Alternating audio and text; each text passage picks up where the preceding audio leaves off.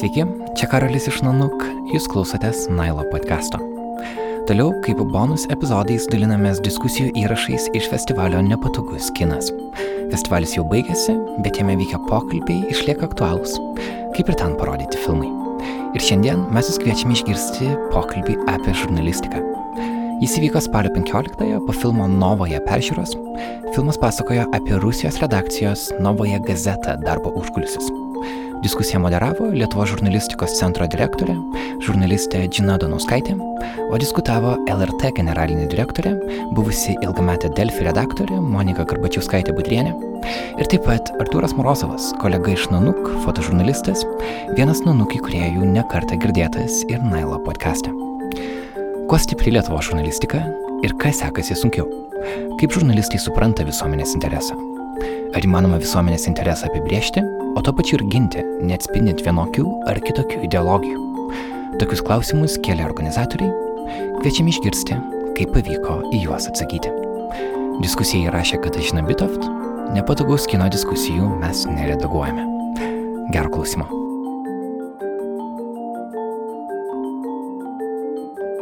Labas vakaras visiems. Norėčiau iš karto ilgai nedelsdama e, pakviesti mūsų diskusijos dalyvius. Mano vardas yra Džina Donauskaitė iš Lietuvos žurnalistikos centro. E, kviečiu LRT generalinę direktorę Moniką Garbačiauskaitę Budrienę. Aš galiu kur? Šone. Ir Artūrą Morozovą, žurnalistų kolektyvo Nanuk, vieną iš įkūrėjų ir žurnalistą. Um, Na, tokį peržiūrėjom filmą labai sunku atrasti būdvardžio apibūdinti, bet labai autentiškas turbūt. E, ir norėtųsi paklausti, kokios mintis jums pirmiausia kilo apie jį. E, Novąją gazetą neteko šešių savo žurnalistų. Turbūt e, Lietuvoje na, nebuvo tokių drastiškų situacijų. Ir jie neteko tų žurnalistų mokėdami už, e, mokėdami tam tikrą kainą už e, atstovavimą visuomenės interesų, atspindėjimą tam tikrų aktualių temų. E, ar galima kažką tai atrasti panašaus, o gal tai yra visiškai skirtinga ir Lietuvoje mes turim absoliučiai 360 laipsnių kampų skirtingą situaciją. Monika, gal pradėkim? Tai Yra žuvusių žurnalistų ir Lietuvoje, tik tai, na, tai buvo tikrai seniai laukiniais nepriklausomybės aušros laikais, tai Respublikos žurnalistas taip lingys, bet aš manau, kad mūsų situacija nėra lygintina su, su Rusijos ir su Novoje gazeta ir ačiū Dievui. Ir kai kartais tenka dalyvauti kokiuose nors tarptautinėse konferencijose, kur susirenka žurnalistai arba, arba bendrauti su kolegomis, kurie dirba kituose regionuose, pavyzdžiui, mm, artimuosiuose rytuose, Turkijoje, Rusijoje, tai tu supranti, kad čia mūsų problemos yra visai kito lygio. Tai yra tai, kad na, čia neturi žurnalistai kaip Egipte badauti, kad juos skelbti bado streiką, kad juos išleistų iš kalėjimo, nes jiems yra 25 metai na, paskirta nelaisvės. Uh, ir panašiai. Tai čia yra na, kito lygio problemos. Tikrai įdomus filmas, buvo labai įdomu pamatyti. Aš manau, kad tas suvokimas, man, nu, mane, man tas tai, kad žuvusių tų žurnalistų yra net šeši ir jie puikiai suvokia, kam jie ryštas ir ką jie daro. Ir netgi po Politkovskos na, mirties vis tiek atsirado tokių, kurie na, ir rašė, ir darė. Ir,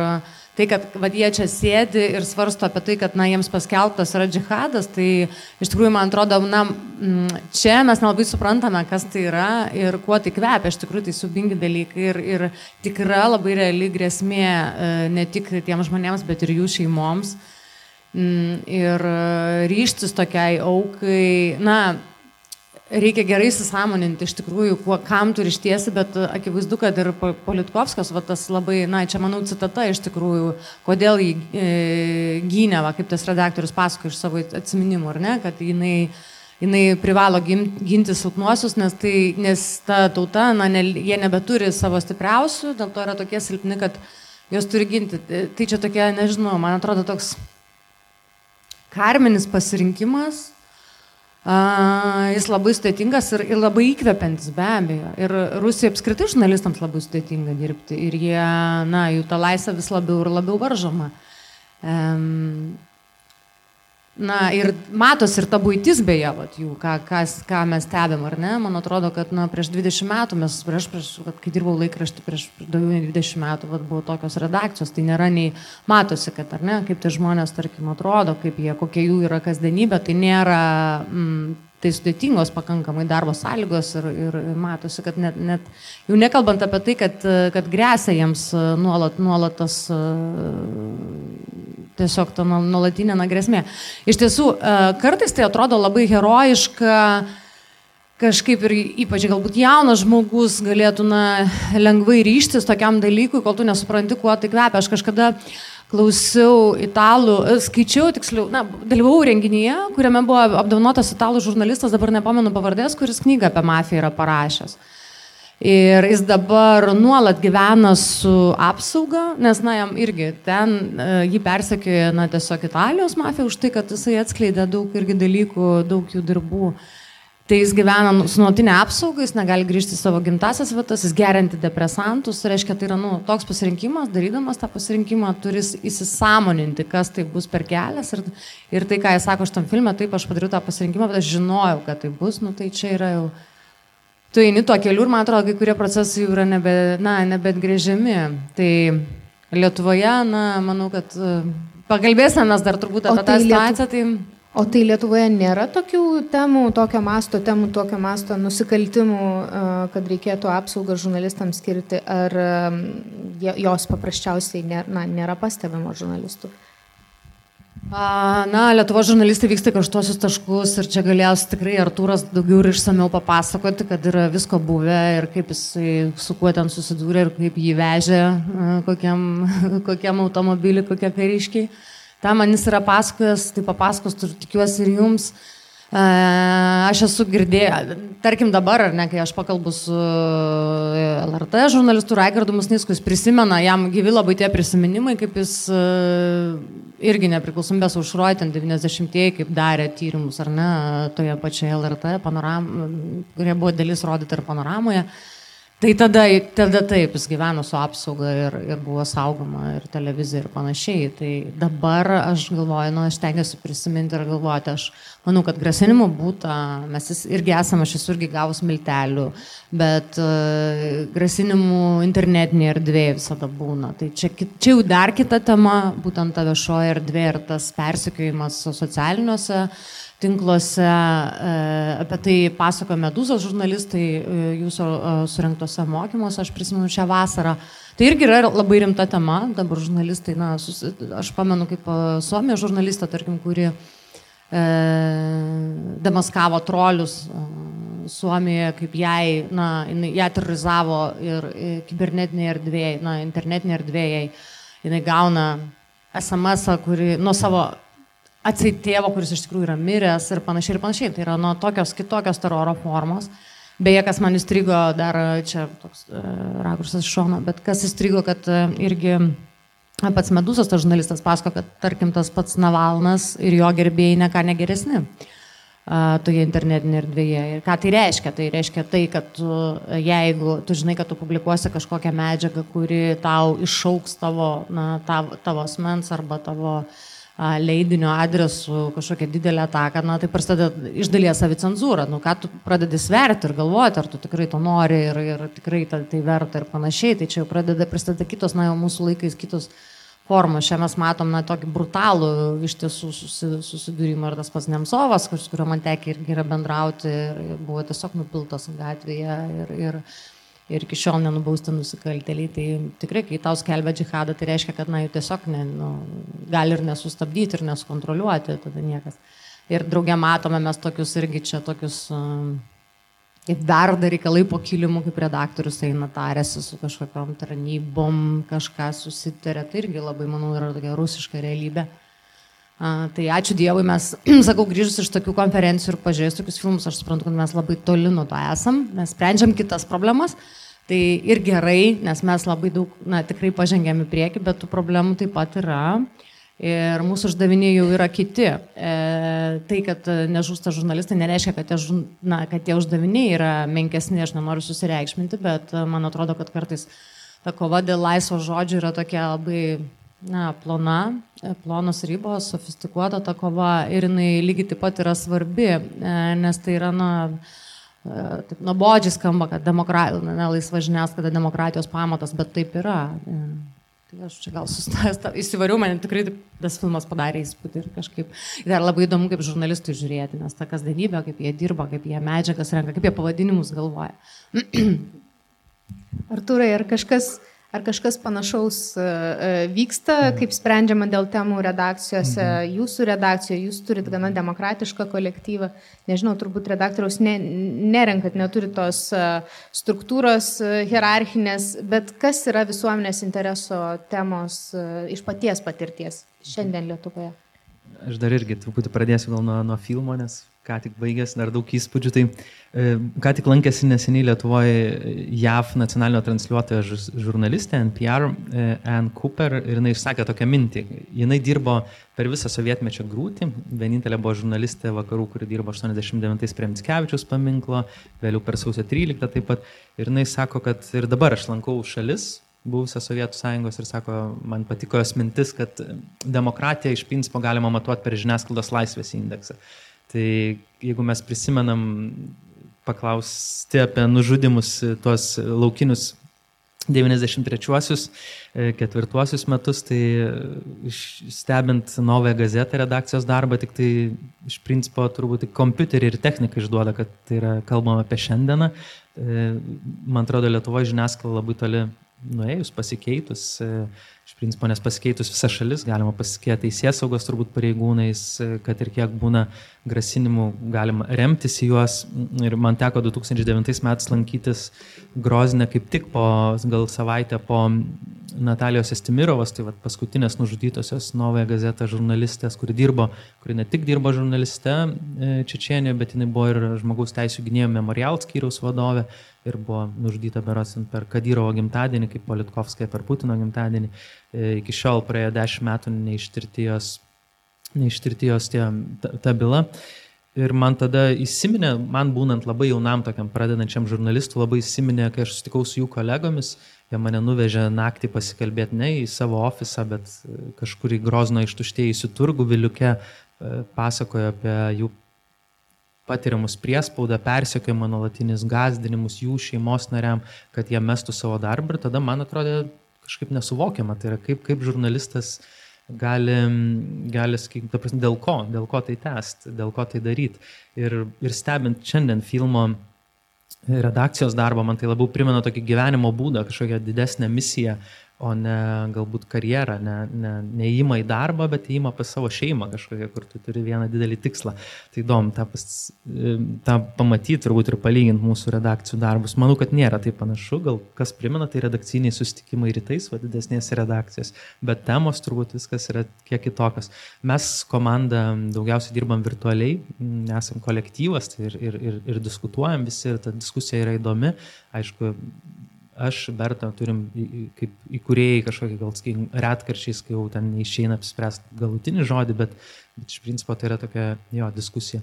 E, klausė apie visuomenės e, lūkestį. Mhm. E, kas yra visuomenės intereso temos pas jūs šiandien redakcijos? Čia mes filme matėm, kad na, tokios gana žmogaus teisų pažeidimai ar ne, informacija, kurią slepia valdžios institucijos nuo visuomenės, mhm. tų pačių tai korupcija. Mhm Tai ar tos temos sutampa, jų mastas gal skiriasi? E, tiesiog, kokios mhm. yra temos šiandien atspindinčios visuomenės interesą aktualios Lietuvos e, visuomeniai ir Na, viena vertus, tai turbūt, va, dėl ko ir nėra Edmundo Jokilaičio tarp mūsų šiandien yra tema apie, apie Seimo pirmininko galimą atstatydinimą ir žurnalistai dirba tame ir nušviečia realiu laiku. Nes šiaip e, mes su kolegom, kadangi nesam dideli ir nepretenduojam didelius, į, į, į didelį portalą, e, mes bandom imti tat, tas temas, kurios taip angliškai vadinamos underreported. Tai yra tos temos, kurios arba blogai išnagrinėtos, bet labai aktualios, arba nepakankamai išnagrinėtos.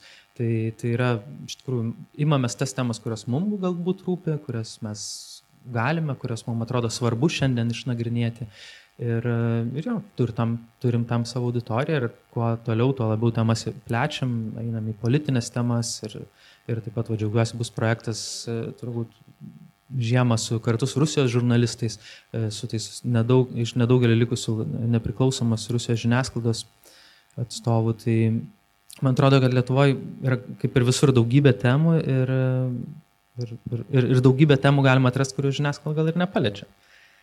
Monika e, daug metų dirbo Delfi komercinėje redakcijoje, dabar e, visai kitas profilis, visuomeninis transliuotojas. Man labai rūpi sužinoti, ar, ar visuomenės intereso temos, e, jų parinkimas, jų sprendimas dėl jų, jų nagrinėjimas skiriasi transliu, komerciniai žiniasklaidos priemoniai, nekomerciniai žiniasklaidos priemoniai. Kas yra, kaip žurnalistai, kaip redakcijos savo atsako, skirtingos redakcijos atsako savo į klausimą, ką mums reikia nušviesti dėl to, kad tai yra visuomenės interesas. Aišku, kad skiriasi, nes e, vis tiek e, na, privati žiniasklaida, komercinė žiniasklaida, jinai labai yra, nu, na, vis tiek yra suinteresuota auditorijos dydžiu, tai yra svarbu, bet tai nėra vienintelis kriterijus ir, ne, ir Delfė, aš kai dirbau, tai nebuvo vienintelis kriterijus, jis yra svarbus, bet jis nėra pats svarbiausias. Ir žinot ką, ir auditorijos skiriasi, iš tikrųjų, ką mes pastebim dabar ir ką aš pastebiu ir LRT dirbdama, ir mes pasišnekam su kolegomis e, iš mūsų portalo. E, yra tų, kurie yra dirbę anksčiau Delfėje ir sako, tu žinai, visai kitas skaitytojas. Netgi ir skaitytojas, na, lūkestis iš LRT yra visai kitas. Mes esame visuomeninis transliuotojas, tai mūsų na, pareiga yra atspindėti tai, ko kiti neatspindi. Ir jeigu na, komercinė, komercinė žiniasklaida tiek tikrai neskirs dėmesio, tarkim, tam, pažiūrėjau, neįgaliųjų problematikai, ar ne, tam tautiniams mažumoms, bendrijoms gal mažiau. Nu, na, kaip pavyzdys. Arba tiesiog neturi resursų to daryti. Ar ne? Ten tyrimus, tyrimų skyrius, ne visi, ne, tai, labai mažai, kas yra 15 15, kaip čia, nežinau, pavadinti, likučiais turbūt to tyrimų skyriaus ir esame mes realiai. Kai kur yra, na, pavieniai tokie tyrimai daromi, pavieniai žurnalistai, tai irgi iš tiesų vat, labai čia su Indrė Makaraitytė irgi mes diskutavom, kuri yra e, tyrimų skyriaus vadovė, kaip atsirenka temas. Tai, tai pirmiausia ir rinkdama sistemą žiūri, kad jisai būtų, kaip čia, kad jinai irgi būtų aišku aktuali, svarbi ir kad tai, jeigu tu matai, kad ta, ta tema nėra kažkokia pavienė, aktuali galbūt ten vienam asmeniui arba labai siaurai grupiai, o yra kažkoks atsikartojantis ar reiškinys, ar yra svarbi problema, ar galbūt um, visuomenės jinai tiesiogiai neliečia, bet yra svarbi, kaip kad pavyzdžiui, iš kur tarkim, Lietuvos geležinkeliai perka kokią programinę įrangą arba dar kažką perka ar perka su Rusija susijusių įmonių ar ne. ne? Mūsų tarsi tiesiai tai neliečia, galbūt jūs net geležinkeliais nevažinėjate, na, traukiniais nevažinėjate, bet tai yra aktualu ir svarbu. Tai tokias temas renkas ir žinoma, kad kai pradeda, dar e, fenomenas yra turbūt tas, kad kai pradeda uh, kai įsteigia žiniasklaida tyrimų skyrių, kai jis pradeda veikti, kai prasideda pirmi tyrimai, pirmos publikacijos, pradeda plūsti temos. Na, žmonės grįžta su tomis temomis. Tai žinoma, ta, ir tada reikia daryti atranką tų temų, nes jų visų padaryti yra neįmanoma, neužtenka pajėgumų. E, ir žinoma, tada renkasi e, žurnalistai. Ir e, čia irgi yra labai svarbu padaryti tą pasirinkimą teisingai, nes dalį temų atneša suinteresuoti asmenys. Na, visada taip, taip bus, ar ne? Tau, tu kaip žurnalistas gausi kažkokių temų, kažkam, kažkas turės interesą, kad, kad ta tema būtų paviešinta. Kartais tai gali būti tiesiog neteisybės jausmas, pasipiktinimas, kaip, kaip, kaip mes matėm pasaulyje, taip, kokie... Na, e, e Wikileaks ar, ar, ar panašiai, kaip, kaip, kaip išplito, yra tiesiog pasipiktinimas. Bet e, na, kartais tai yra tiesiog, na, kartais, pavyzdžiui, e, daug yra žemės kokios nors e, paveldėjimo arba kažkokių ten užgrobimo istorijų, bet jos dažniausiai aktualios tam vienam ar dviem kaimynams. Tai aišku, kad tu įsivertini tada tą temą, bet jeigu tu matai, kad jau yra kažkokia pavyzdžiui, Kauno ten lampėdžiuose, ar ne, matai, kad e, su Kauno miesto valdžios pagalba yra mėginama versti visą tai, na, keisti žemės paskirtį, atimti iš, iš bendruomenės kažkokias erdves, e, užstatyti jas ir, ir taip toliau, tai tada yra visai kita tematika. Tai tą atranką daro jie ir jie labai daug diskutuoja, ką pasirinkti. Na, žinoma, kad tai yra dar ir kasdienės temos, bet šiaip tai A, svarbu, va čia labai gerai irgi atsiskleidžia redaktorius vaidmuo. redaktorių apskritai vaidmuo, kuris tas vaidmuo dabar yra, ką žinau, pasižiūriu, man atrodo kartais, kad nykstantis, nes viskas labai greitėja ir, ir nebėra kam nei tų žurnalistų ugdyti, nei jų auklėti. Na, tai tas yra negerai ir tas redaktoriaus vaidmuo e, tas redaktorius vaidmuo yra labai svarbus. E, tai yra tai tie, kas na, brėžia tą liniją, laiko tą stuburą, mm, žurnalistus irgi moka, iš jų reikalauja. Va, čia va irgi labai nuskambėjo tokie labai būtiniai dalykai, kuriuos kiekvieną dieną mes susidarėm. Sakė, ką tu negali prisiskambinti, aš nenoriu girdėti, kad tu kad tu negali kažkam prisiskambinti. Nu gerai, Jelepa, nu čia buvo išskirtinis atvejis, ar ne, bet šiaip, tai, tai tu nuolat yra nuolatinis darbas tais pačiais žurnalistais. Tai žurnalistų irgi yra labai įvairių. E, kartais jie renkasi tokius labai paprastus, banalius ir lengvus būdus e, dirbti, atsidaro naujienų agentūrą, pasižiūri, kokie yra įvykiai, ten nuvažiuoja į kokią seimą, pasikalbina, ką nors ten išėjusi iš salės ir tiek žinių. Tai ar aš stumiu mūsų redakcijas į kitą na, darbo būdą ir lauką. Tai, kad jie uh, keltų savo didesnius tikslus, ieškotų išskirtinės informacijos, ieškotų to, kas nuo jų paslėpta, o ne eitų kažkokiais lengviausiais būdais. Vat banaliausias būdas yra vienas iš tokių vat, populiariausių, kas man irgi krenta į akis, kad, tarkim, suskaičiuoja žurnalistai, kiek Seimo nariai pravažinėjo ten į kokias komandiruotės arba kiek ten iš, ištratino pinigų kokiems automobiliams, kiek kilometrų nuvažiavo. Nu ir suskaičiuoja ten Zingeris visą laiką rekordininkas, dar kažkas. Nu ir dabar, ir ką? Ir aš sakėm, ir ką? Ar, na, gerai, jeigu ten yra kažkokia ekstremalios situacijos, kai kažkas važiuoja ten tikrai vos ne į kokį vanuatų ir kyla klausimų, ar ten tikrai reikėjo į tą konferenciją važiuoti, bet, bet iš tiesų tai, na, be papildomos informacijos, be konteksto, be pasigilinimo, e, tai niekur neveda. Tai ta, tam ir yra žurnalistai, kad tą kontekstą duotų, padėtų suvokti, paaiškintų. E, tai čia yra gerų žurnalistų darbas, tos gerus žurnalistus reikia augdy, auginti, ugdyti, e, reikia netiduoti jų PR agentūroms, reikia su jais dirbti, redaktoriai turi su jais dirbti, iš jų reikalauti. Tai va. Artūrai irgi teko dirbti, ar ne, ir komercinėje žiniasklaidoje. Ar, na, komercinė žiniasklaida labai dažnai yra kritikuojama, kad jinai pati yra kaip, na, turi savo interesų, kurie nesutampa su visuomenės interesais, kad, na, nepersikloja nebūtinai sutampa. Tai ar yra tau tekę susidurti su situacijomis, kur reikėdavo paukoti tam tikras temas, galbūt ar pačiam asmeniškai, ar kolegų tarpe pasikalbėdom, pasikalbėdavo dėl, pavyzdžiui, didesnio skaitomumo didinimo, ar dėl to, kad, na, reklamos užsakovų spaudimas na, įvyksta redakcijoje.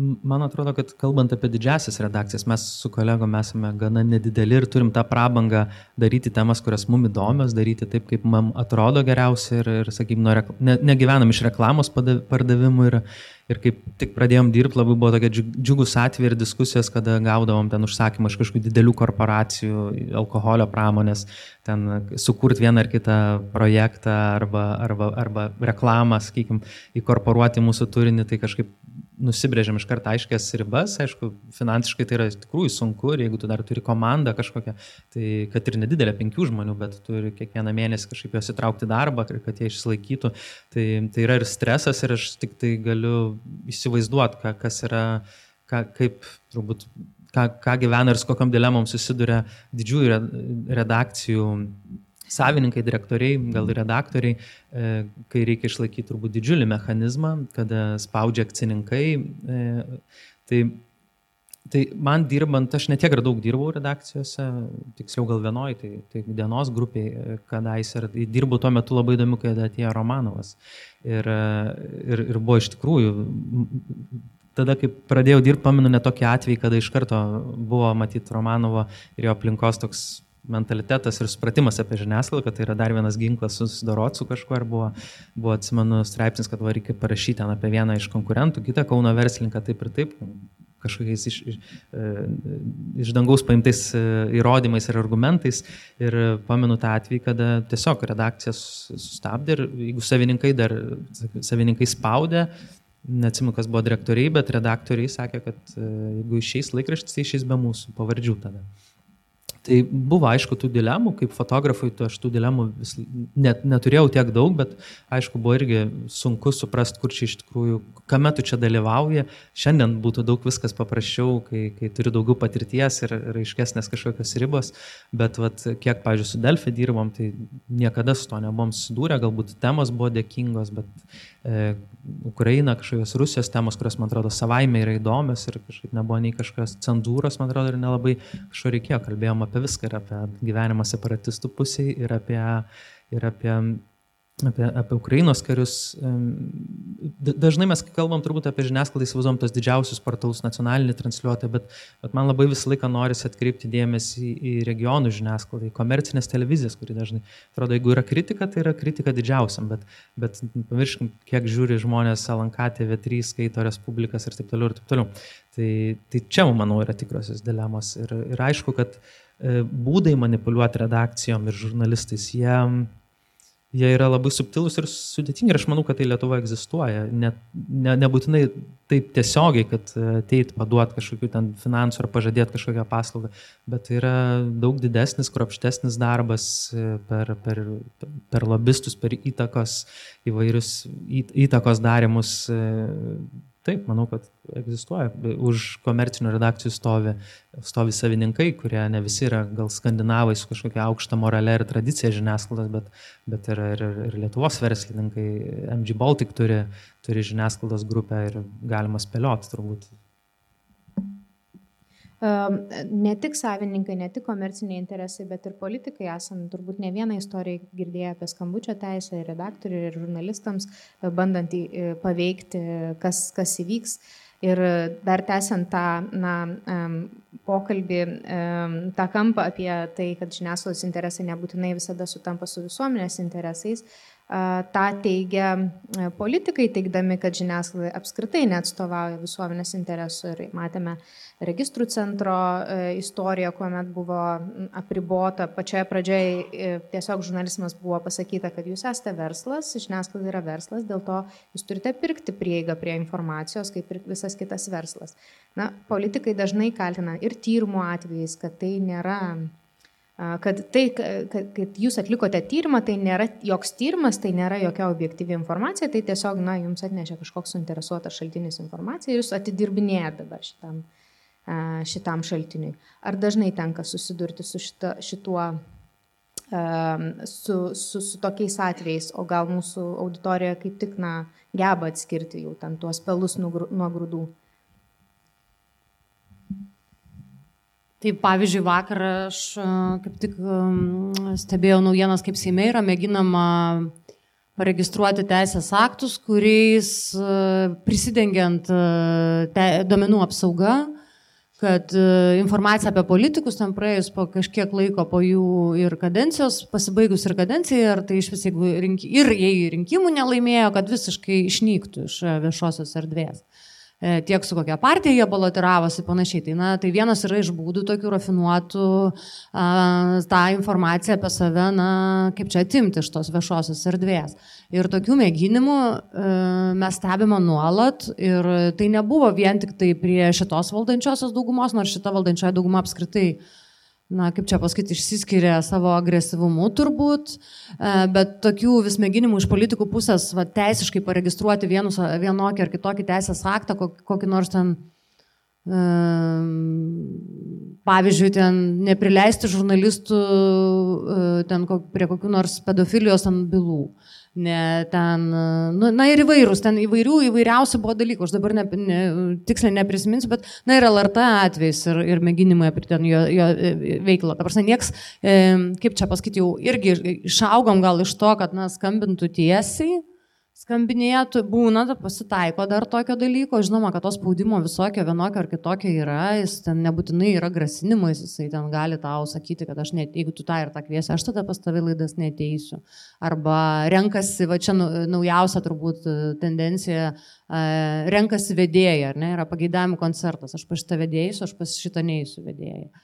Tai kadangi apskritai viešo erdvė labai pasikeitus, aišku, tarp pačios žiniasklaidos yra konkurencija, yra socialiniai tinklai, per ką politikai gali savo tą na, informaciją paskleisti ir tada iš, žino, kad iš ten pasims jie žiniasklaidą, tai jie na, įgauna kažkokius svertus, tada yra teisinis persekiojimas darom. Kartais tiesiai politikai įmas ir rašo skundus ant žiniasklaidos priemonių įvairioms institucijoms, arba ten minimi, nu, tar, na, tarkim, LRT atveju tai žymusis tyrimas apie uostą, uosto įmonės, kurios sudalyvavo remiant valstiečių kandidatus dabar į savivaldybę. E, ir, na, ir Vaitkus na, gavo atsistatydinti ir šiandien dar beje irgi atėjo informacija, kad teismas pasakė, kad teisėtas yra jo atstatydinimas. Uh, E, tai, e, tai, na, tarkim, mes, yra 20 skundų dėl šito tyrimo. Ir jie visi baigsis arba labai gerai, arba labai blogai, nes mus apskundė visos, turbūt ten paminė, visos ten uosto įmonės, pats uostas, na, uostas irgi, tai juk yra, na, valstybinė institucija.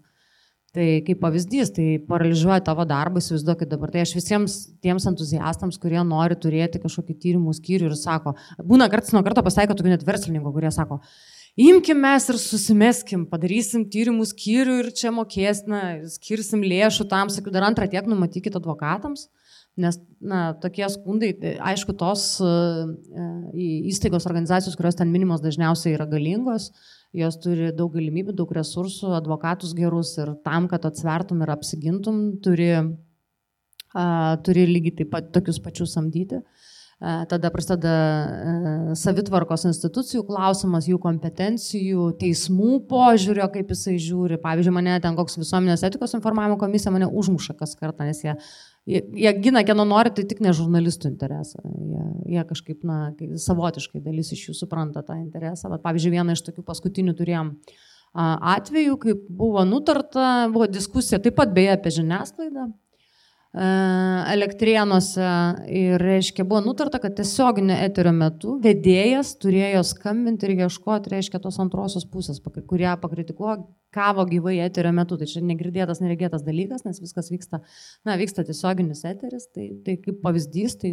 tai mes apskundėm tą, tą sprendimą. Skusim, tai apskundėm jau, man atrodo, teismui. Na, tai čia kaip, kaip toks, nu, tokių, vat, Ir tokių yra bylų nemažai, nu, tokių atvejų yra nemažai, skundų dėl mūsų medžiagų yra nemažai ir tyrimas tai praktiškai, man atrodo, kiekvienas yra apskaustas. Da, dabar Delfi dar apskundė mūsų tyrimą, kur pasirodė apie e, žiniasklaidą, kad e, per trejus metus prasisuko 50 milijonų viešinimo pinigų. Tai va čia beje irgi tema, ar ne? Kai, ką daro valstybė, su, e, ką daro valstybė ir kaip jis įsivaizduoja, turbūt, jis tiesiog perka tokiais būdais žiniasklaidą Aš e, manau, kad žiniasklaidą reikia remti.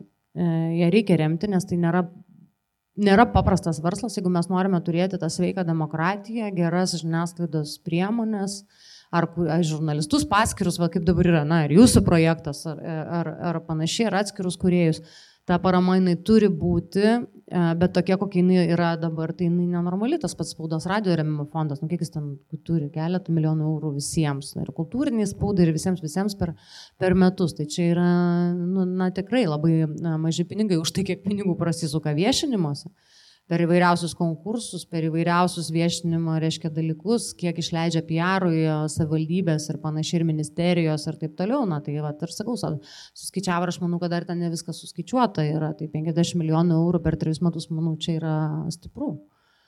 Tai Aš labai norėčiau dar pakviesti auditoriją, jeigu jūs turit klausimų, tikrai e, pasiruoškit juos, užduokit.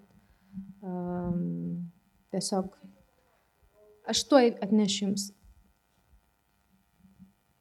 Prisistatykit ir.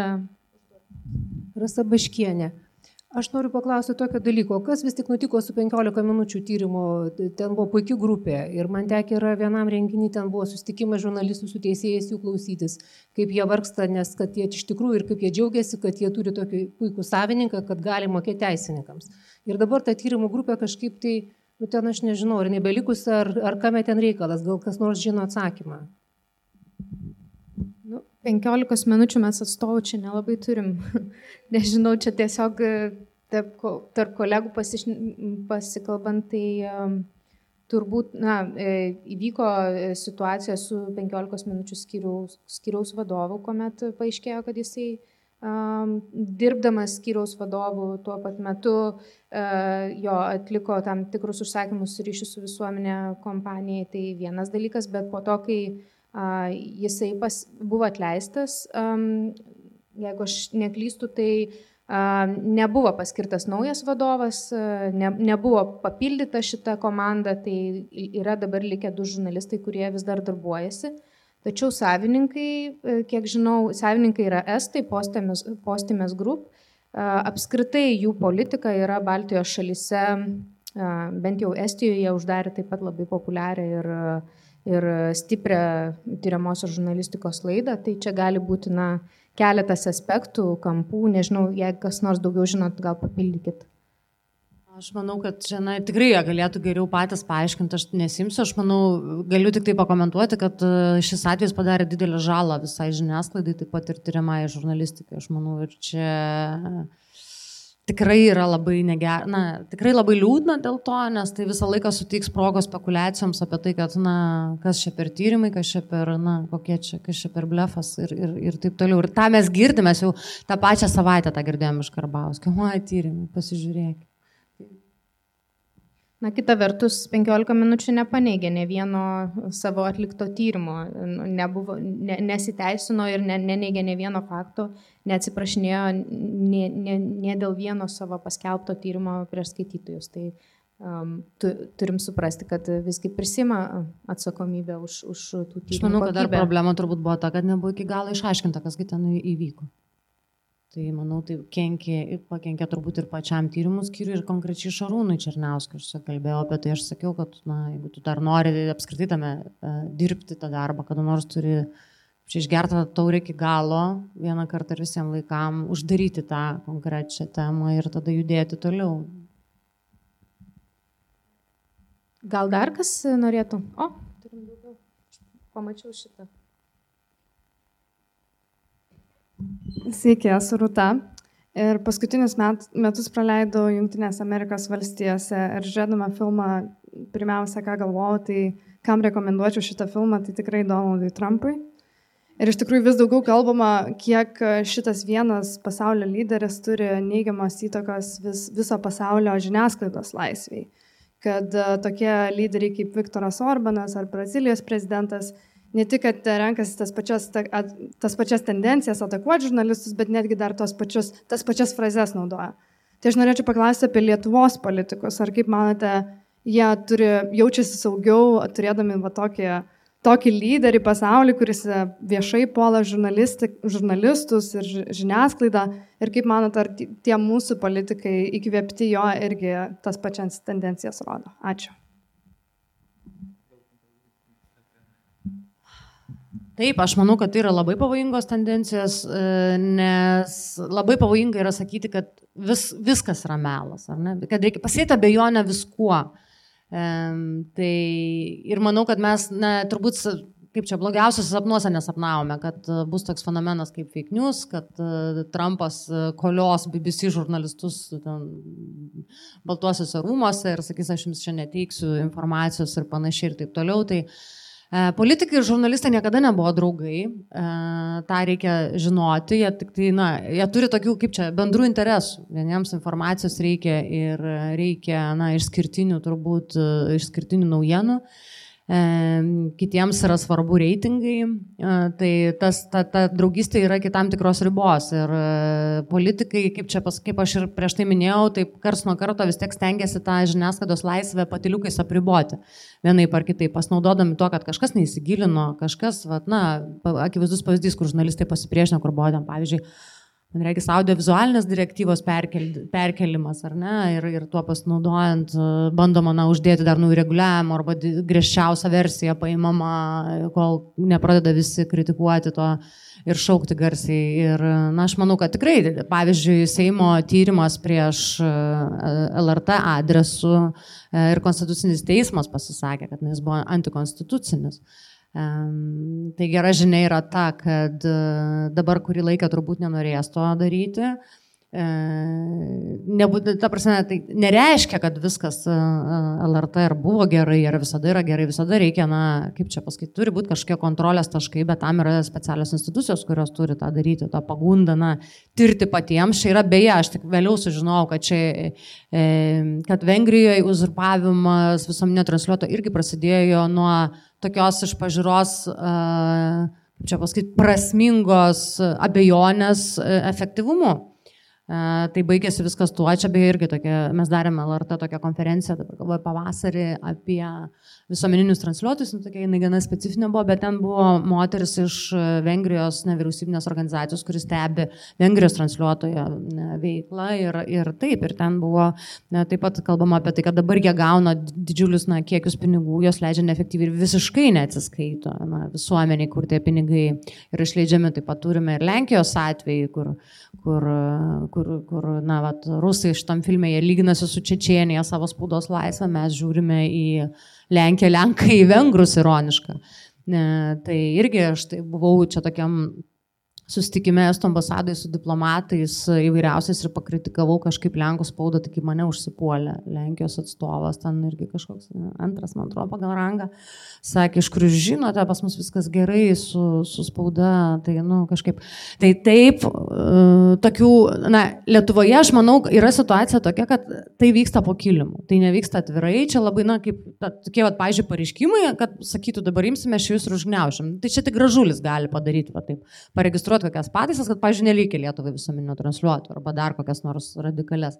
Bet e, tos, tie, jie nesusilaukia palaikymo tiesiog tokie, bet, bet kaip aš ir minėjau, yra daug labiau rafinuotų būdų, bet ką ir Džina minėjo, kad e, prieimas prie domenų, e, tada teisės aktų, reiškia, keitimas, žurnalisto apribojimas nuo informacijos, pakuo skundžiasi irgi žurnalistai, kad jiems neatsako, vat, jie neatsako į klausimus, ten savivaldybės neatsako ir beje, vat, ką Artūras užsiminė, kad tikrai regionuose problema yra didelė su, su žiniasklaida.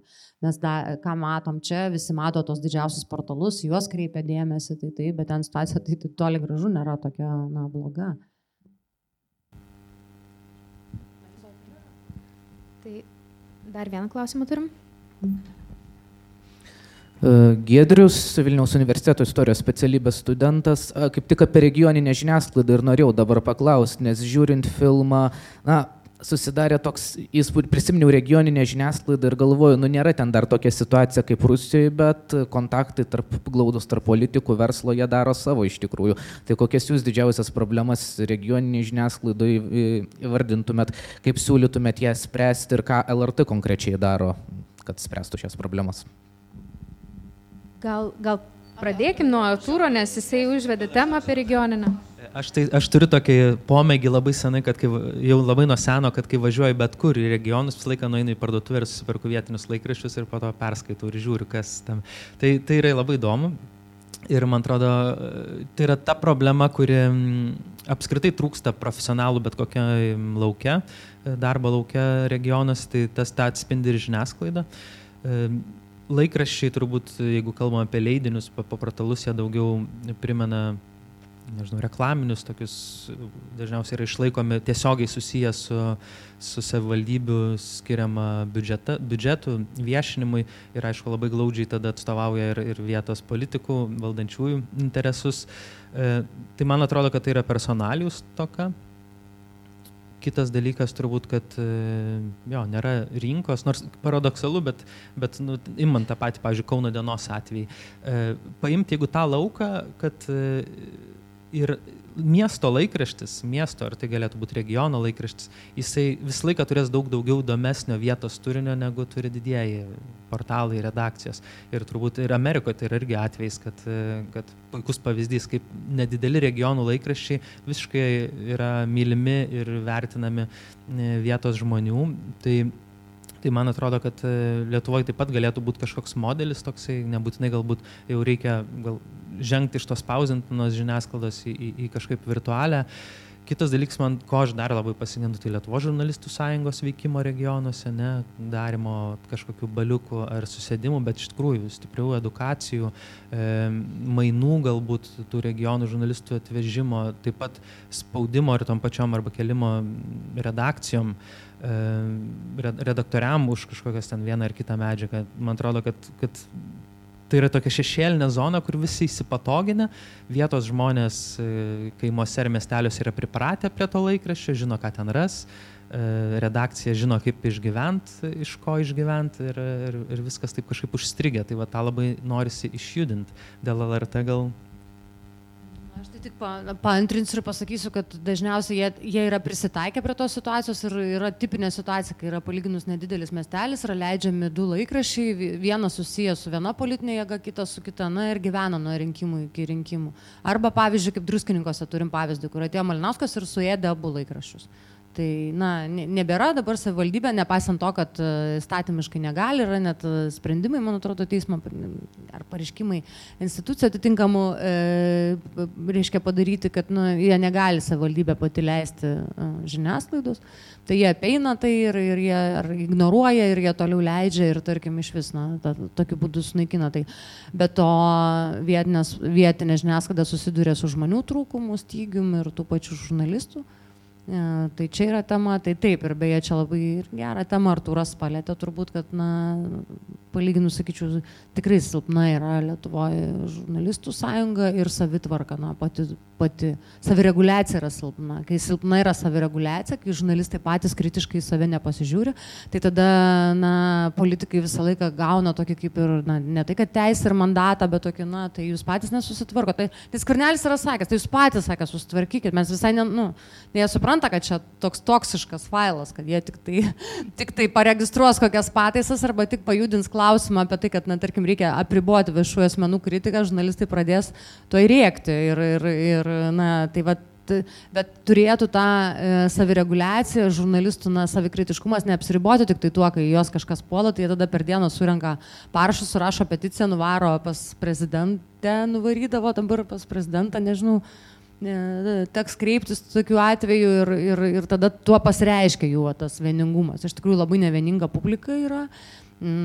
labai tokia kritiška apskritai ir, ir, ir kaip čia pasakyti, su autoritetų krize e, patirianti. Tai čia yra problema. Jeigu būtų labai gerai, kad atsirastų kas nors, kas galėtų truputį sustiprinti žurnalistų sąjungą kaip tokią. Turim dar vieną klausimą.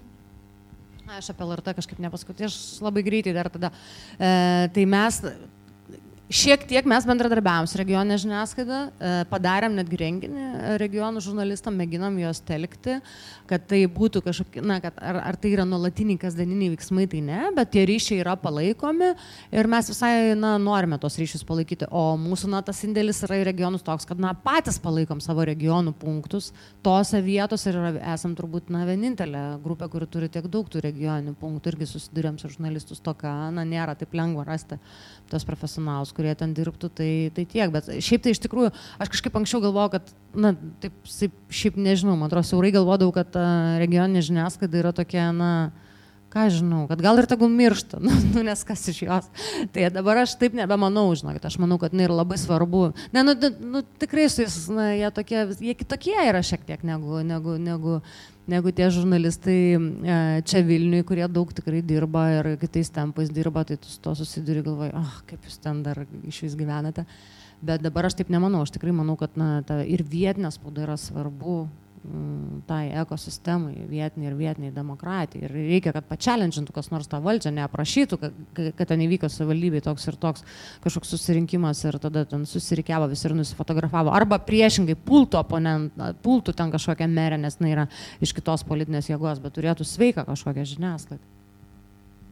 Aš dar irgi galiu pridėti truputį, aš klausau LRT, mėgstu radiją klausyti ir vairuojant kažkaip visai pastaruoju metu taip išgirstu, kad tokia, nežinau, ar čia sąmoningas ar nesąmoningas, bet toks bandymas įsiklausyti ir žmonių lūkesčių. Tai yra, ko, jo, regionų, ko, ko tikisi žiniasklaidos važiuoja mobiliosios tos studijos ir, ir išgirdau, aišku, daug labai įdomių tokių minčių bet ką supratau ir ką turbūt ir per savo keliones ir kolega, su kolegomis dirbant pamatėme, kad iš principo mes dažnai kalbame, na turbūt tokia žiniasklaidos dabar esam lygiai, kad apie pačių žurnalistų stiprinimą, tobulinimą, apie etikos e, kodekso kažkokį įdėgymą, tokį, kad kaip savaime suprantamą dalyką.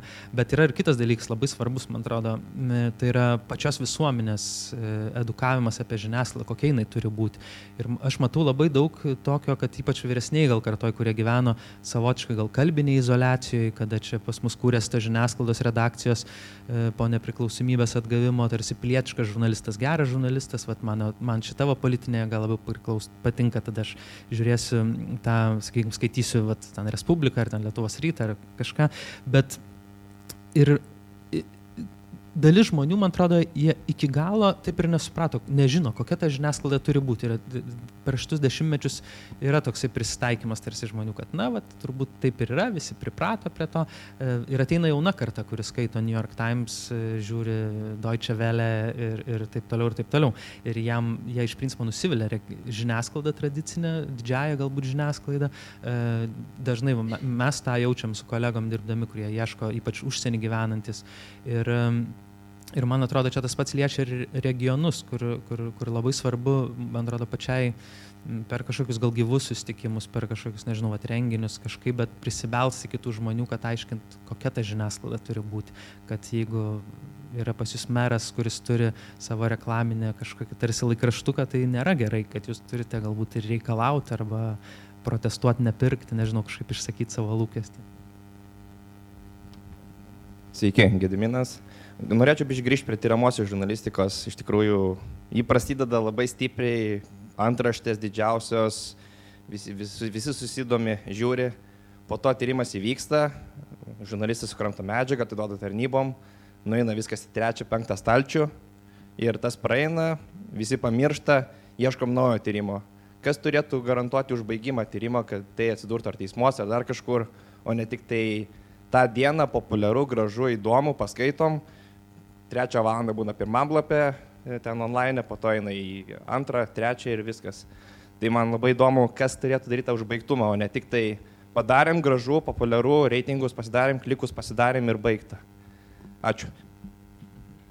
Čia netgi su filmu truputėlį susisieja ta prasme, kad na, ten žurnalistai matėm, kaip stipriai buvo įsitraukę į, kampanijas, netgi dėrybose dėl, dėl į nelaisvę paimtų žmonių iš, išlaisvinimo dalyvavo. Tai kiek žurnalistai na, turėtų rūpintis užbaigtumu to tyrimo, kaip klausė auditorijos. Turbūt galima pasidžiaugti, kad Lietuvoje tariamosios žurnalistikos tokia pradžia, jinai tikrai visas, visos tos medžiagos yra rezonansinės ir, ir, ir nežinau, ar, ar buvo kažkokia medžiaga, kur išėjo didelis tyrimus, tyrimas kažkoks ir jinai taip ir nublanko. Buvo? Mhm.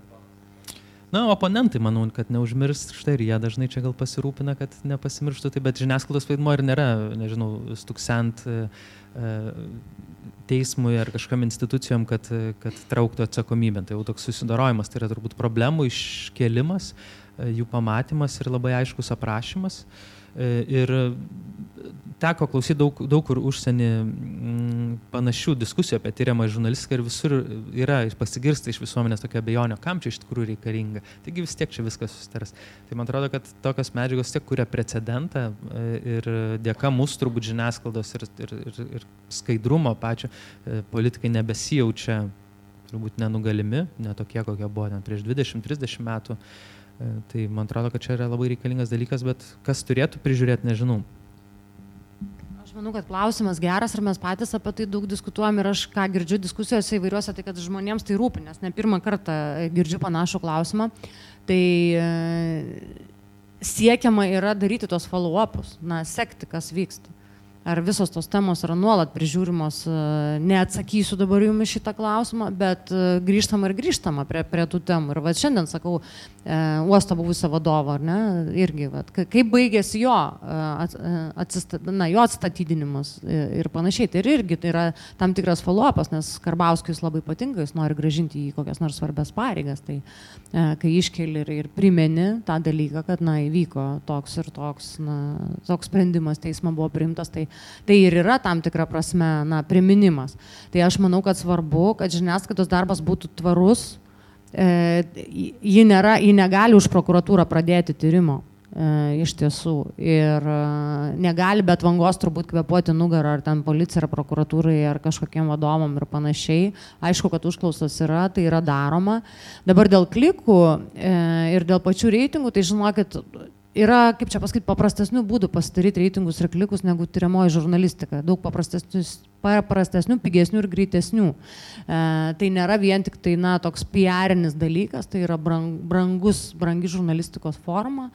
Mm, ir pavojinga kartais irgi. E, ir tikrai jau ramybės neturėsite tapę e, tyriamojo žurnalistu, tikrai sulauksite įvairiaus spaudimo. Ir mes patėm, matėm taip pat kaip tas pats Vaitkus, ar ne, kaip, jie, kaip elgėsi patys tie herojai. Dabar irgi čia beje nauja mada yra nekomentuoti, neatsakinėti tyrimo įgoje. Žurnalistam į klausimus, kai bandoma tą antrą pusę apklausti, nereaguojama, tada pasirodo, arba ten kaip nors labai šikščiai, tada pasirodo tyrimas, tada paskaito tyrimą ir tada per visus savo kanalus e, deda ir reikalauja, kad spausdintumėm jų atsakomasias nuomonės su, su visokiam insinuacijom, arba va, tas pats Vaitkus, kuris uh, įsiprašė į LRT tiesioginį eterį ir ten 20 minučių rėkiant makaraitytę Šimonytės. Tai na, turbūt nežinau, ar matėte tą laidą ir iš tikrųjų man buvo labai įdomu stebėti ir aš galvoju, kuogi baigsis va, tie mero rinkimai jam, nes aš tai galvoju, kažkaip buvo apie Lietuvą blogesnės nuomonės, aš tai galvoju, jam ta laida turėtų padėti laimėti. Ir, um, bet kažkaip įvyko priešingai, tai tuo, nežinau, gal džiaugiuosi. Nu, Jezaitis, taip, va, pavyzdžiui, polit... beje, gerai, kad priminiai. Šiais metais buvo uh, kiek treji rinkimai, kitais metais dar vieneri nusimato, tai irgi atlaikytina, tai yra irgi politikų spaudimas, e, dar yra tokia rušis kaip mažų politikų spaudimas, kurie ne, negauna to eterio ir bando jį gauti vairiais būdais. Ir tikrai, kaip man elgtis, mes, mes tikrai labai rimtai svarstam paduoti jo zaitį teismą, nes jisai tiesiog ne mūsų eterį. A, išdėjo iš šuns dienas LRT, sakė, čia yra didžiausias e, korupcijos lizdas Lietuvoje ir išėjo iš didžiai iš studijos, greičiausiai todėl, kad neturėjo ką pasakyti, nes diskusija buvo apie ekonomiką tą dieną, ekonominėmis temomis. Ir jau ties trečių klausimus jis suprato, kad čia jau negerai jam kvepia visas šitas failas. Tiesa, sugrįžo paskutinį, paskutinį diskusiją vėl, na, pamitingavo. Tai čia irgi yra tokia, na, man tai, mane tai dirgina, aš galvoju, tai yra neteisybė labai didelė, bet mes kažkaip Mes iš tikrųjų pasidarėm tyrimus, susirinkom informaciją, kaip tauta į tai reaguoja ir mes kažkaip paskaičiavam, kad labai jau, jeigu mes kreipsimės į teismą, tai tada labai arti jau bus Seimo rinkimai, kol ten prasisuks visos instancijos, kol išnagrinės, jeigu dar apskūsti ir kažkaip galvom, na ne, su savo bylomis, tokiamis bylomis mes Jozaičio į Seimą atnešti nenorim. Ir kažkaip taip ir, ir, ir, ir liko. E, nors, pavyzdžiui, tie patys politikai, na, atsakomybė už žodį, man tai labai norėtųsi, va, puteikį beje, LRT yra, buvo apskundę. Už tai, kad jis iškoliojo irgi Matonį ir, ir, ir televizijos naujienų tarnybą ir laimėjo, laimėjo tą bylą, Puteikis atsiprašinėjo, gavo atsiprašyti pas Janto nelaidoje. Tai, tai, tai tokių. Aš tai manau, kad už savo gerą ir ką sako iš tikrųjų ir patyrę žurnalistai ir, ir Europos transliuotojų visuomeninių sąjungos, kad už savo gerą vardą reikia kovoti. Aš manau, kad kiekvienas turi nešti atsakomybę už savo žodžius, ne tik žurnalistai, bet taip pat ir politikai. Ir taip gal kai kuriems, ypač vyresniems politikams, aš su jais tariausi, sakau, kaip jums atrodo, mes jo zaitį teismą paduosim. Eik, tu sakė, baig, tu, nu žinai, pasakė ir, ir pamirškit maždaug. Bet aš tai nemanau, kad mes turime pamiršti ir aš tikrai ne, na, esu įstikinus, kad LRT, na, ne LRT yra korupcijos lizdas Lietuvoje. Tai. Um Dar klausimų? Turim dar vieną klausimą.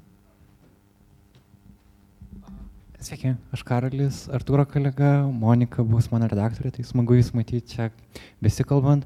Man šitam dienom teko susitikti su žurnalistikos studentais pirmo ir antro kurso ir mane apėmė tokia, nežinau, truputį panika, nes žmonės atrodė labai tylus, atrodo, kad jie, aš nežinau, kuo jie domisi, galbūt jie kažko domisi, bet labai sunku iki to prisikasti. Kodėl jie ten įstojo? Tai iš esmės taip, mano, aš turėjau vieną pažįstamą antram kursą ir klausiau, nu kaip tu, sakai, o esu didelė identiteto krizėje, nežinau ką daryti. Uh, ir man tada tai susiję bendrai su žiniasklaidoje situacija ir čia turbūt Monikos noriu paklausti, kai uh, tu atėjai į LRT, tau reikėjo surinkti daug naujų žmonių, kurie galėtų dirbti ir suprantu, kad dalis buvo buvę kolegos iš Delfi, kas buvo turbūt na, palengvinimas, jie atėjo kartu, bet apskritai ar yra tų žmonių? Ar, liet, ar, ar nėra taip, kad labai daug talentingų žurnalistų išėjo į viešuosius ryšius, o nauja karta, nors įstoja daug kas, bet realiai neužauga, Ir ar pati žurnalistų rinka nėra Lietuvoje labai sustraukus ir elementariai nelabai yra kam dirbti šitą darbą. Ir ar tie daug rinkimų taip ir ar mes turim pakankamai kas spaus, ar žmonės pasiekia tą lygį, kad čia dar išplėtėm klausimą, aš atsimenu, mums toksai Mindaugas Nastaravičius dėstydavo universitete, jis sakydavo, kad Lietuvoje labai lengva labai daug pasiekti žurnalistikoje, jis prisiminė, kaip jam buvo 22 metų ir jis ėmė interviu iš Adamkaus, nes maždaug nelabai buvo kam im daugiau redakcijoje. Tai jisai tuo metu jautėsi, kad aš jau viską žinau, aš imu interviu iš prezidento, bet po to jis suprato, kad jis nieko nežino, tiesiog, kad jam na, nelabai buvo kam kitam eiti, tai jisai gavo šitą galimybę. Taip pat tokie jaunesni žurnalistai kaip mes, kartais tu naudojasi tuo, kad daug galimybių yra, bet kita vertus, man kažkaip atrodo, kad yra labai daug tuščios erdvės čia ir žmonės iš žurnalistikos išeina. Ir tas mane neramina. Man įdomu, kaip tau atrodo. Aš e, visiškai pritariu, aš manau, kad yra didelė problema ir mes dabar kiek ieškom žmonių su tuo labai susidurėm. Ir kabinom vėl, tai atėjo maža dalis iš Delfio, bet atėjo dar iš, kit, na, iš kitur kažkur, kas, kas, ką, prisikvietė vieni kiti. Tai ta problema yra, kabinam skelbimus, iš skelbimų, net būna tikrai, kad parsikvietė, atrodo, žmogus nieko, paaiškėjo, kad ant bazinių dalykų po to nežino arba jam reikia na, juos mokyti. Tai dar gerai, jeigu pasiduoda mokymui, na, imlus yra. Tai tikrai yra problema. E, dabar dėl kas dėl žurnalistų rengimo Lietuvoje mm, nenoriu labai kritikuoti VU, bet yra problema didelė, aš manau, ir dėja nuo mano laikų, kai aš ten mokiausi, neįtin didelis buvo pasiektas progresas, tai čia yra problema ir dabar iš vis, na, tikrai jų daug yra primta į tas studijas, tai kiti kolegos, kurie dėsto, na, skundžiasi. Žinoma, yra labai talentingų jaunų žmonių, yra labai talentingų kursų net iš tiesų, vat, pavyzdžiui, tikrai Lietuvos radijoje dirba irgi daug, gražaus jaunimo arba ateina, na, tiesiog save atranda kitoje medijoje, vat, iš portalo ateina į radiją, tarkim. Bet taip, dar kita tema yra, kad anksčiau ir vėliau, na, nemažai iš jų e, išsivilioja e, PR industrija. E, ar tai būtų agentūros, ar tai būtų įmonės, tai čia yra šita tema. Sakyčiau, kad žurnalistai Lietuvoje turėtų turbūt turėtų ir daugiau uždirbti. Na, konkurencija yra ganėtinai gal. Na, atrodo, va, taip ir yra, kad atrodo tarsi jų daug, bet iš tikrųjų jų nėra pakankamai. Ir tas darbas žurnalistų yra specifinis, e, ypač, na ir dabar labai tas tempas pagreitėjęs, tai tam turi, na, suprasti, kad jis nebus niekada nuo 8 iki 5, kad ir važiuos ir savaitgalis niekada negali būti atsisėjęs, atsikonektinęs visą laiką ant, ant, ant laido. Tai, Tai iš tie dalykai, bet sakau, čia svarbus ir redaktorius vaidmuo, čia turi būti visa sistema, kaip tie žurnalistai yra ūkdomi. Tai mes dabar dedam pastangas LRT ir, ir ne tik tai, kad na, mes ieškom jau na, talentingų, ne tik tai, bet ir, ir dėti pastangas į ūkdymą. Pavyzdžiui, LT, na, na, naujienų tarnyba televizijos daro mokymus jam, kaip jiem dirbti su vaizdu. Vat kaip jie turi perteikti įdomiai tą informaciją, ar ne, vaizdiškai, kaip pavyzdys, kaip dirbti su mobilioji žurnalistika, tai įbijumas turi irgi yra dar. Tai išnaudojame esamus mokymus ir projektuojam patys toliau, kaip juos auklėti, kaip juos mokyti, e, kaip iš jų, na ir reikalauti iš jų. Tai taip, yra problema. Aš irgi šitą klausimą norėjau kažkaip e, e, temą įkorporuoti šitą pokalbį. Jo, iš tikrųjų, čia didelė, man atrodo, yra problema. Reikia gal skelbti irgi kaip e, žurnalistas prestižinė profesija iki 2020 metų. Nes matosi, jo, VAU turbūt pagrindinė kalvė yra ir, ir tikrai labai trūksta iš ten išėjus tokių stiprių personalių ir aš matau jaunus žmonės, mes su kolegom turime edukacinę programą ir važiuojam tiek daug į mokyklas, įvairius mokymus, žurnalistikos centras taip pat vykdo įvairiausius mokymus ir tas, tas džiugu, bet pačiam Vilniaus universiteto komunikacijos fakultete, nežinau, gal studijuot kažkas iš čia esančių? E, ne, kaip tik norėjau paklausti, gal, bet, e, bet man atrodo, kad e, yra, nėra tos suinteresuotumo būti. Tai taip, tai yra, vat, netgi ką kalbėjom prieš tai apie tą, tą įtaką žurnalistam darimą poveikio, E, tai taip turbūt labai jau taip primityviai aš kalbėjau apie tai, kaip ten gali verslas, politikai daryti poveikį, bet iš principo tai viskas susiveda į vieną žmogų, apie vieną asmenybę, kuris turi turėti kompetenciją, žinoti, ar jo naudojasi ar nesinaudoja, e, būt, nežinau, turėti tam tikrą imunitetą, atsparumą, drąsą, galiausiai drąsa turbūt pagrindinis šioks dalykas. Tai, tai, tai toks žmogus turėtų ateiti į žiniasklaidą, į redakciją, redakcija padėti jam aukti ir, ir tų žmonių labai trūksta. Ir, ką ir Monika sako, aš irgi matau, pavyzdžiui, kai pats pradėjau prieš 12 metų dirbti ir e, buvom ten keliese ambicingi labai fotografai, lakstydom ten viesę kažkur, tai kelies ten savo temas galvodom, darydom, bet pamažu, po truputį, po truputį tas toks žmogiškas likimas, kažkas kūrė šeimas pradėjo dirbti redakcijų didesniai, pasiemė paskolą ir galiausiai jis patogino, jis patogino tas rimo, rimo, rimo ir, ir dabar dirba tiesiog puikų techninį darbą, bet, bet va, tos tokios ambicijos, to, to, nežinau, keliavimo, bandymo kažką aiškinti ir, ir, ir, ir to labai trūksta pačioj žurnalistikos fakultete. E, kas džiugina turbūt tai iš e, užsienio grįžę žurnalistai, tai žurnalistikos studijas baigė, baigęs Universitet vienas kolega, žinau, mano dirba ir LRT naujienų skyrių, pradėjo dirbti ir vakar, labai nudžiugau vakar, kaip tik buvo paleistas jo multimedijos turbūt projektas apie apie Šiaurės Siriją, apie Kurdistaną, Benas Gerdžiūnas, kuris, kuris iš principo studijavo e, Anglijoje, berots ir, ir, ir Briuselį, ir mes su juo dirbom kartu Ukrainoje, ir tai 20 kelių, 22 jūs tada turbūt metų buvo, ir taip šiandien matyti, kaip jis auga, auga, auga, visiškai be darbo Lietuvoje, ir vat, pasieks kažkokį lygį, jis atranda čia vietą, ir man atrodo, jis jau gali praturtinti ne tik e, auditoriją, bet ir aplink save esančius kolegas. Tai Tai aš kaip dirbusi komunikacijos fakultete noriu tik tai truputėlį pridurti, kad tai yra ne tik tai studentų ir problema tai yra ir pačios, pati pačios universiteto politikos problema. Pirmiausia, apie tai daug labai um, dėstytojų, kurie ten dėsto, dėsto labai trumpą laiką, ten nėra visiškai jokios, jokios motivacijos sistemos patiems lektoriams žurnalistikos stiprėti ir tobulėti. Ir jų kaita yra tokia pat didelė ir galbūt netgi didesnė netgi, ne, negu žurnalistų žiniasklaidai. Bet mūsų diskusija jau juda truputėlį į pabaigą. Aš norėčiau grįžti galbūt paskutiniam klausimui prie tų mūsų raktinių žodžių ir paskutinį tokį klausimą akcentams, e, akcentams sudėti. E, kai mes kalbam apie visuomenės interesą, e, visada turim galvoti apie auditoriją, ne tik tai, ka, kaip žurnalistai nusprendžia, kas yra visuomenės interesas, bet na ir koks yra pačios auditorijos interesas, publikos interesas.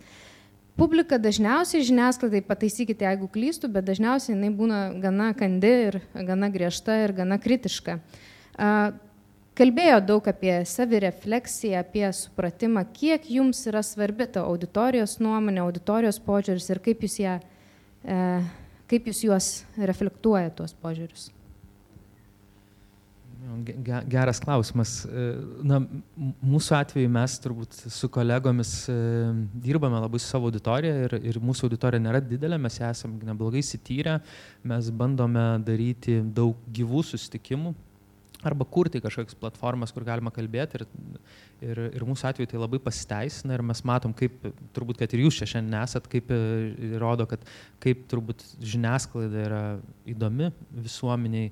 Ir, ir, ir mes augindami savo, kadangi mes esame iš dalies išlaikomi audit, savo pačių pačios auditorijos, tai irgi tas formatas, kuris truputį atriša rankas, e, darant tam tikras temas ir, ir, ir būna taip nepriklausomėm, e, bet tai yra ne tik kažkokia parama ir išlaikymas, bet tai yra ir auditorija, kuri gali labai gerai patarti, kuri gali pasiūlyti temas ir dirbti, man atrodo, tas svarbu, bet visai kitaip turbūt yra su didžiaja žiniasklaida.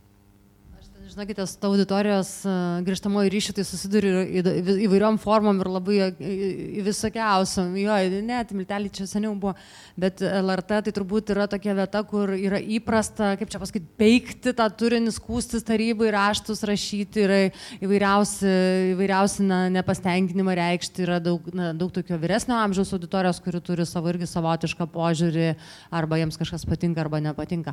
Aš manau, kad e, dabar mes irgi, mes iš tikrųjų prasukom sulaukiam labai nemažai, na, tokių klausimų, mes klausom auditorijos, kas jums patinka, kas jums nepatinka, konkrečius klausimus, užduodam klausimynus.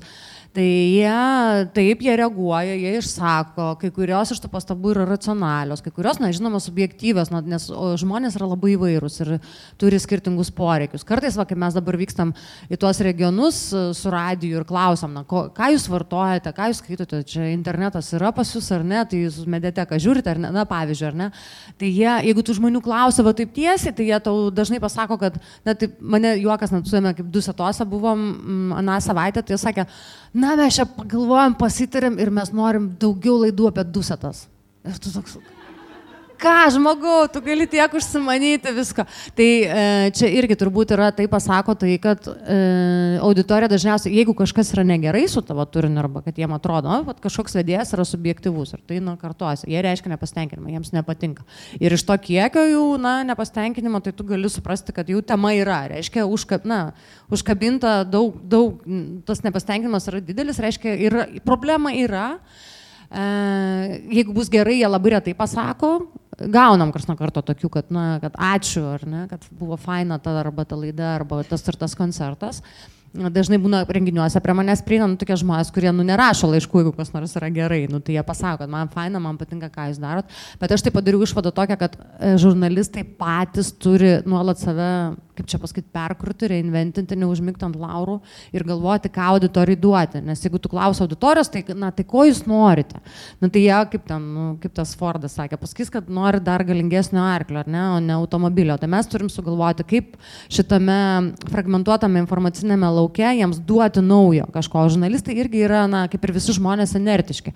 Jie daro va tos, tas, tos tekstus apie tai, kad kodėl Seimo nariai važiuoja komandiruotės, ar ne, bet nepagalvoja, kad, kad galima kažkaip plačiau kitaip padaryti. Tai aš, aš dabar žurnalistus spiriu irgi naudodamas ir e, gerosiam e, Europos transliuotojų praktikom, pagalvoti apie tai kitaip, pažiūrėti kitaip, leisime irgi tą tokį projektą, pažiūrėjau, sprendimų žurnalistiką, ar ne, kad išanalizuosime problemas, na, iš esmės nuodugniai, nes žurnalistai yra, pažiūrėjau, kritikuojami, kodėl kodėl jie tik kelia klausimus, neduoda atsakymų, ar ne? Tai kaip, kaip analizuoti tas problemas iš esmės. Ir, ir daug apie tai yra diskutuojama Europos mastu, kodėl ta žurnalistika yra vienokia arba kitokia ir dažnai tas žurnalistai prasilenkia su auditorija, jie kalba, žurnalistai kalba savo žargonų, paaiškėja, kad žmonėms reikia, pavyzdžiui, daug paprasčiau kažkaip.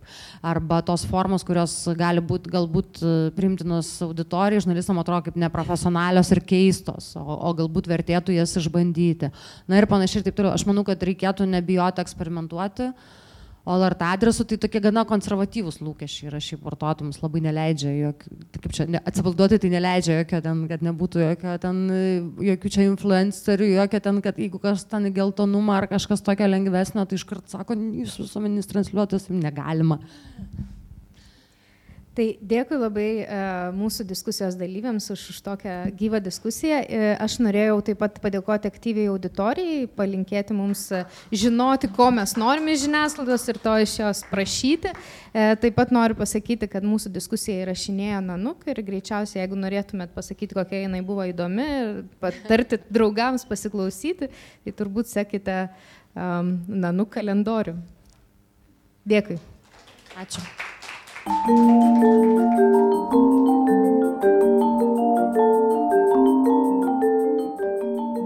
mūsų epizodas šiandien. Ačiū, kad buvote kartu. Nailo podcastas yra išlaikomas pačių klausytojų. Kviečiame prisijungti adresu patreon.com nanukmultimedia. Įprasti mūsų epizodai pasirodo antradieniais 12 val. Čia buvau aš Karolis Višniauskas. Nailo podcastą kuria žurnalistų kolektyvas Nanuk. Iki greito.